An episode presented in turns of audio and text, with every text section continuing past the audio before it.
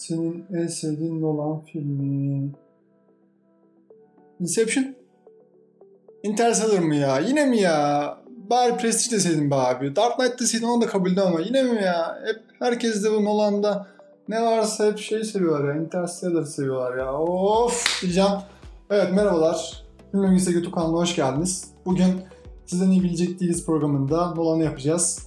Nolan'ın sinemasını konuşacağız biraz. Ee, Nolan hayranları biraz kızabilirler. Nolan'ı çok sevmem ben. Belki Prestige'i, belki Dark Knight konuşabiliriz ama diğerlerini muhabbetini duydukça artık gülme geliyor bana. Zaten son dönemde Tenet ve ee, şeyden sonra Dunkirk'ten sonra ciddi anlamda artık ciddiye almıyorum. Hem Nolan'ın hem de Nolan'ın e, hayranlarını. Yani Nolan güzel başlamıştı aslında. Momentum'da güzel başlamıştı. Momentum'da işte Prestige'e devam etti. Sonra Dark Knight işte Batman üçlemesinde başladı. Batman üçlemesinde bence güzel kotardı. Ama sonrasında ise bence e, ardının arkasını getiremedi. Jonathan Nolan'la çalıştı. Bir süre Jonathan Nolan'ın e, senaryo ekibinde bayağı destek verdi kendisine. Aslında senaryoyu beraber yazıyorlardı. Bazen Jonathan Nolan büyük bir bölümünü yazıyordu. E, Nolan yönetmenlik işine bakıyordu. Ama artık Jonathan Nolan da kendi yönetmenlik e, yolunu çizdiği için e, Christopher Nolan tek başına devam ettiriyor. Böyle alakası alakasız gülmelerim olacak. Çünkü Nolan'ın adını duydukça veya hayranlarının savundukları argümanları düşündükçe böyle gülme geliyor bana. Böyle sarkastik bir şekilde deli deli güleceğim arada. E, bilginiz olsun bu manyak bu deli niye gülüyor dersiniz diye açıklama yapmak istedim. Neyse Nolan olayına geri dönelim. Yani sizin etrafınızda olmuştur Nolan'ın ne zaman e, muhabbet açılsa herkes böyle çok böyle boyutlar arası yaptığını söyler. İşte Interstellar'ı işte yıllarca yazmaya çalıştığını, işte fizik profesörleriyle görüştüğünü falan filan derler. Ki birçok fizik profesörü de bunu e, destekleyen bir şey yok aslında. Çok da fizikle alakalı bir şey yok. Sadece e, kafa karıştırıcı olması, işte boyutlar arasında geçmesi e, olması falan Nolan'ı biraz daha etkileyici kılıyor. Böyle e, Nolan'ı sevmiyorum deyip böyle altı boş cümlelerden ziyade böyle biraz geriye saralım ve niye sevmediğimi anlatayım size. Yani Momentum'un akıl oyunları, işte hikayelikler, işte akıl kurcalama hali bence Nolan için iyi bir sinemaydı. İyi bir başlangıç yaptı. Hala sinema tarihinde iyi bir yeri vardır. Hatta sinema derslerinde de Nolan'ın bu Momentum filmleri izletilir, üzerine konuşulur. Bunun da e, hocam Gürhan Hoca'ya selamlar. Onun üzerine de bayağı konuşmuştuk. Ama Momentum'dan sonra o sinemasını devam ettiremedi maalesef. Önce Batman üçlemesine başladı. 2005'te e, Batman başlıyor çekti. Batman başlıyor yani iyi bir başlangıç filmiydi. Sonrasında ise Prestige geldi. Prestige zaten ana akım izleyicisi için iyi bir filmdi. Festival filmleri izleyen insanlar da sevebilirler. Ee, ucuz kişi filmleri izleyen insanlar da sevebilirler. Tam böyle orta yol filmi, tam böyle ana akım filmi. Evet, izledilir, zaman geçirilir. Zaten bu mevzudan sonra Prestige biliyorsunuz Edison ve Tesla arasındaki çatışmayı işte bir onların arasında bozulma halini falan anlatıyordu. Elektromanyetik akım falan anlatıyordu.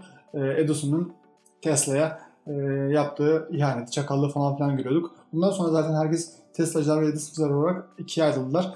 Herkes e, biz Tesla'cıyız, Edison'a Allah belasını versin diyorlar. Allah belasını versin değil de daha böyle küfürlü söylüyor ama ben söylemedim. Neyse. Prestige olayı ne alakası yok. Prestige ile de böyle bir toparlanma hali yaşamıştı aslında sineması. Biraz daha böyle eli yüzü düzgün hale gelmişti. Nolan'ın bence iyi bir e, ivme yakalıyordu, iyi bir e, görüntü veriyordu. Sonrasında ise 2008 yılında Dark Knight geldi. Dark Knight bence Nolan'ın en iyi filmi. E, Prestige ana akım. Bence Dark Knight ana akım ama Dark Knight'ın olayı biraz daha farklı. Senaryo içinde senaryo var. Bence senaryosu ders diye okutulabilir Dark Knight'ın çünkü senaryo o kadar bir içinde yer değiştiriyor, o kadar bambaşka hallere bölünüyor ki başlangıç ve sonu yok. E, bu şey de değil yani bu sanat filmlerindeki parçalı senaryo da değil.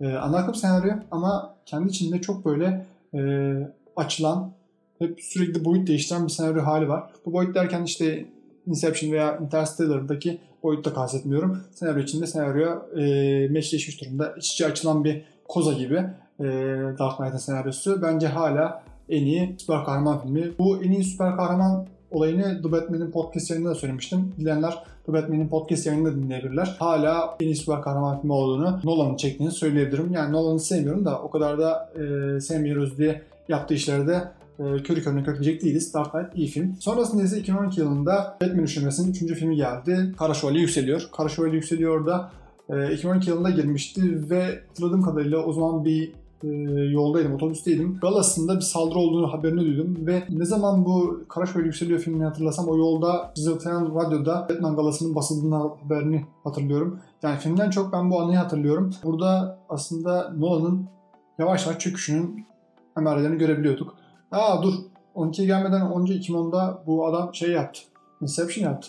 Inception Leonardo DiCaprio'lu bol oyunculu bir filmiydi. Aslında DiCaprio da böyle ana akım izleyicisi en azından benim jenerasyon DiCaprio'yu böyle böyle sevmeye başladı. Aslında Inception kötü bir film değil. Inception güzel bir film. Uykular, rüya halleri, katman katman gidilmesi, uykunun katmanlarını açması iyi bir film bence. Ama şuraya geleceğim. Baştaki söylediğim mevzu Nolan'ın kafa karıştırarak e, iyi film yaptığına dair bir kanı var. Yani izleyicileri de, hayranları da öyle bir kanıya kapılmış durumdalar. İşte anlamlandıramadıkları, işte çözemedikleri, çözseler bile çözmeye çalıştıkları o süreci düşündüklerinde çok iyi film yaptığını düşünüyorlar. Böyle bir şey bilmiyorum ya karmaşık olduğu için e, bir filmi iyi demek ne kadar doğru bilmiyorum. Bunu David Lynch'te görürüz ama David Lynch karmaşık olmak için karmaşıklık yapmaz. Yani onun açmazları, onun giriftleri daha farklıdır. Yani sürekli bu işte boyutlar arası geçişim, sürekli uykudur, işte uzaydır falan filan. Bunlarla sürekli bunu bozuyorsun.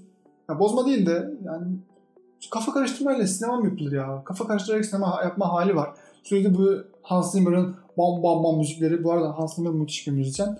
Şimdi burada Hans Zimmer demiyorum da. Ama tamam okeyiz. Ama sürekli aynı şeyi tekrar etmiyor mu? Yani 2005'te Batman'de aynı şey oldu. 2008'de Dark Knight'da oldu. 2010'da Inception'da oldu. Yeter be. Ondan sonra zaten James Nolan gitti. Sağ olsun ilgi gitti. Ki Nolan yavaş yavaş çökecek. Çökme emarileri de başladı. Sonra Dunkirk çekti. İşte gitti dedik 2. Dünya Savaşı'nı ben farklı bir yerden göreceğim. İyi dedik ya. Farklı bir yerden göreceksin. İyi birader. Yap bakalım nasıl bir şey yapacağım. Okey. Onu da gördük. Ama geldiğimiz noktada Dunkirk Nolan'ın ilk battığı film. Sonrasında ise tabii ki geçtiğimiz yıllarda 2019 muydu ya? 2019 veya 2020'de sinemayı kurtaracak 2020. 2020'de sinemalar kapandığı için sinemaları kurtaracak sloganıyla Tenet girmişti. Tenet'te de Robert Pattinson vardı. Yani Robert Pattinson sürekli yeni roller deniyor. Yeni rollerde görüyoruz kendisini ama Tenet'te de belki böyle bir sürpriz yapar dedik ama Tenet'in senaryosu o kadar manyak olduğu için, o kadar delice yazıldığı için hiçbir şey düşünmeden bunu da aylarca şey diye piyarladılar.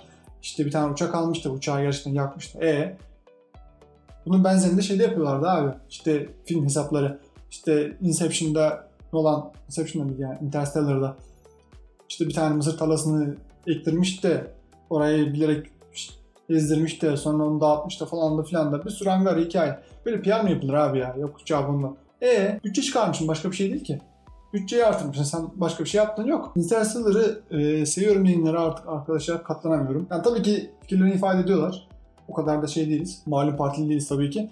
E, e, fikirlerini tabii ki ifade ediyorlar ama ben yavaşça böyle sessizliğine kapılıyorum. Başka bir şeyler düşünüyorum. Başka şeyler yapıyorum. Belki kulaklığımı takıyorum. Belki ortamda kulaklık takmak biraz terbiyesizlik olur. E, çok kibar davranış değil. Ama susuyorum. Biliyorsunuz cahille muhabbet edilmez. Ya tepenize atlatır ya da e, kavga edersiniz. Onun için böyle sessiz sakin dinliyorum. Biri bir şey sorarsa cevap veriyorum. Ama onun haricinde Nolan'ın hayranlarına karşı artık savunma olayını tamamen bıraktım. Bıraktım. Rahatım artık. Ne uğraşacağım ya Nolan'ın hayranlarıyla? Söylüyorum işte ortamda. Bunlara söylüyorum sonra çekiliyorum. 2005 Dark Knight düşünmesi eh.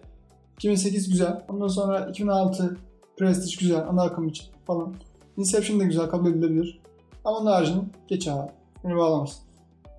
2012'de Tom Hardy kötü adam rolünde geldi. Tom Hardy bile kurtaramadı. Güzel oynamış bu arada. Ama dediğim gibi ben Dark Knight'ta Prestige'deyim abi. Prestige'de işte çok ana akım. Ama ben Dark Knight'ta devam. Yani Dark Knight olunca övüyorum Nolan'ı. Ama onun ilerisi yok. Nolan hayranlığı neymiş ya? Nolan'ı biraz eleştirelim. Hemen biz kötü oluyoruz.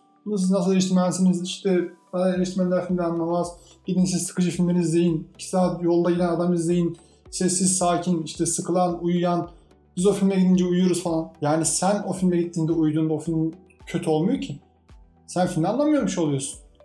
Sen gidiyorsun sonra hep yek falan izliyorsun. Bakın özellikle söylüyorum. Recep İvedik örneği vermiyorum. Her kötü film deyince akla Recep İvedik geliyor. Ama Türk sinemasında son yıllarda daha kötü filmler yapılıyor. Hep öyle. Ahmet Kural, Murat Cemcir işlerin hepsi öyle. Yani Recep İvedik'e gelene kadar o bizim izlediğimiz, bizim demek bu arada yanlış, festivallerde gösterilen ve yani kalbur üstü filmler bunlar. Bu filmlerde sen uyuyorsan o zaman senin sinema zevkin yok kardeşim. Git o zaman IMAX'lerde Marvel izle, DC izle. Bu arada DC de kendi toparlıyor, DC'ye laf atmayın. Marvel'a hala bok atabilirsin. Marvel bok gibi platform yani. Hala bunu izliyorsan geçmiş olsun. Demek ki sen sinema zevkin yok. Marvel'dan Marvel, Marvel'dan Marvel. Hepsi aynı abi. Ben 2015'te bir IMAX'e gittim. Justice League'e. O DC'nin bu arada. DC'nin Marvel'a özendiği zamanlar. Yani hem kör oluyorsun hem de ilk 20 dakikada filmin ne olacağını çözüyorsun. Öyle olacak, buraya gelecek, o olacak, son olacak. Son 15 dakikada bütün hikaye çözülecek. Son 5 dakikada böyle gıy gıy bir tane müzik olacak. Film kapanacak bu kadar. Sonra da yönetmen göründü görünmedi anında pır sinemadan çıkacaksınız. Yani onun sesi kim, senaryosu kim, yapımcısı kim, işte uygulayıcı yapımcısı kim, direktörü kim bunlara hiçbirine bakmayacaksınız. Ondan sonra diyeceksiniz ki ben sinemayı seviyorum. Aynen abi sinemayı seviyorsun ya. Nolan 2 senede 3 senede bir film yapsın. Nolan'ı bekleyin.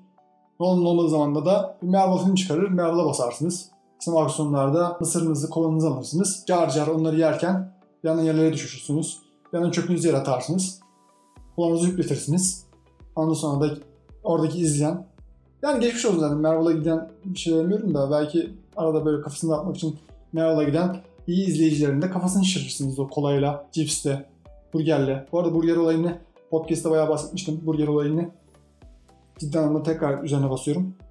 Bunları yiyen, sinemada bunları yiyen, özellikle haşır huşur yiyen insanlar sinema teröristidir arkadaşlar. Bundan sonra bilginiz olsun. Sinema teröristidir. Yani ayağınıza koltuğu itiyorsunuz. Kolanızın, bitmiş kolanızın pipetle dibini höpürdetiyorsunuz. Cips yiyorsunuz. Hamburger yiyorsunuz. Bunu podcast yayında söylemiştim. 2017 veya 18 olması lazım. Bilmiyorum kız kardeşler vizyona ne zaman girdi şu an hatırlamıyorum da. Emre Alper'in Kız Kardeşler filminde Ankara Büyülü Fener Sineması'nda kadının bir hamburger yedi abi. Hamburger yedi ya. Salon leş gibi cheddar peyniri koktu. Ketçaplar, mayonezler. O şeyin hışırtısı. Hışırtıya en son geleceğim de. Yani ne ya bu? Ya bunların hepsi tesadüf mü? Marvel izleyenler, Nolan izleyenler ve sinemada bir şeyler izleyenler. Sinemada rahatsızlık yaratanlar. Ya bunlar tesadüf değil.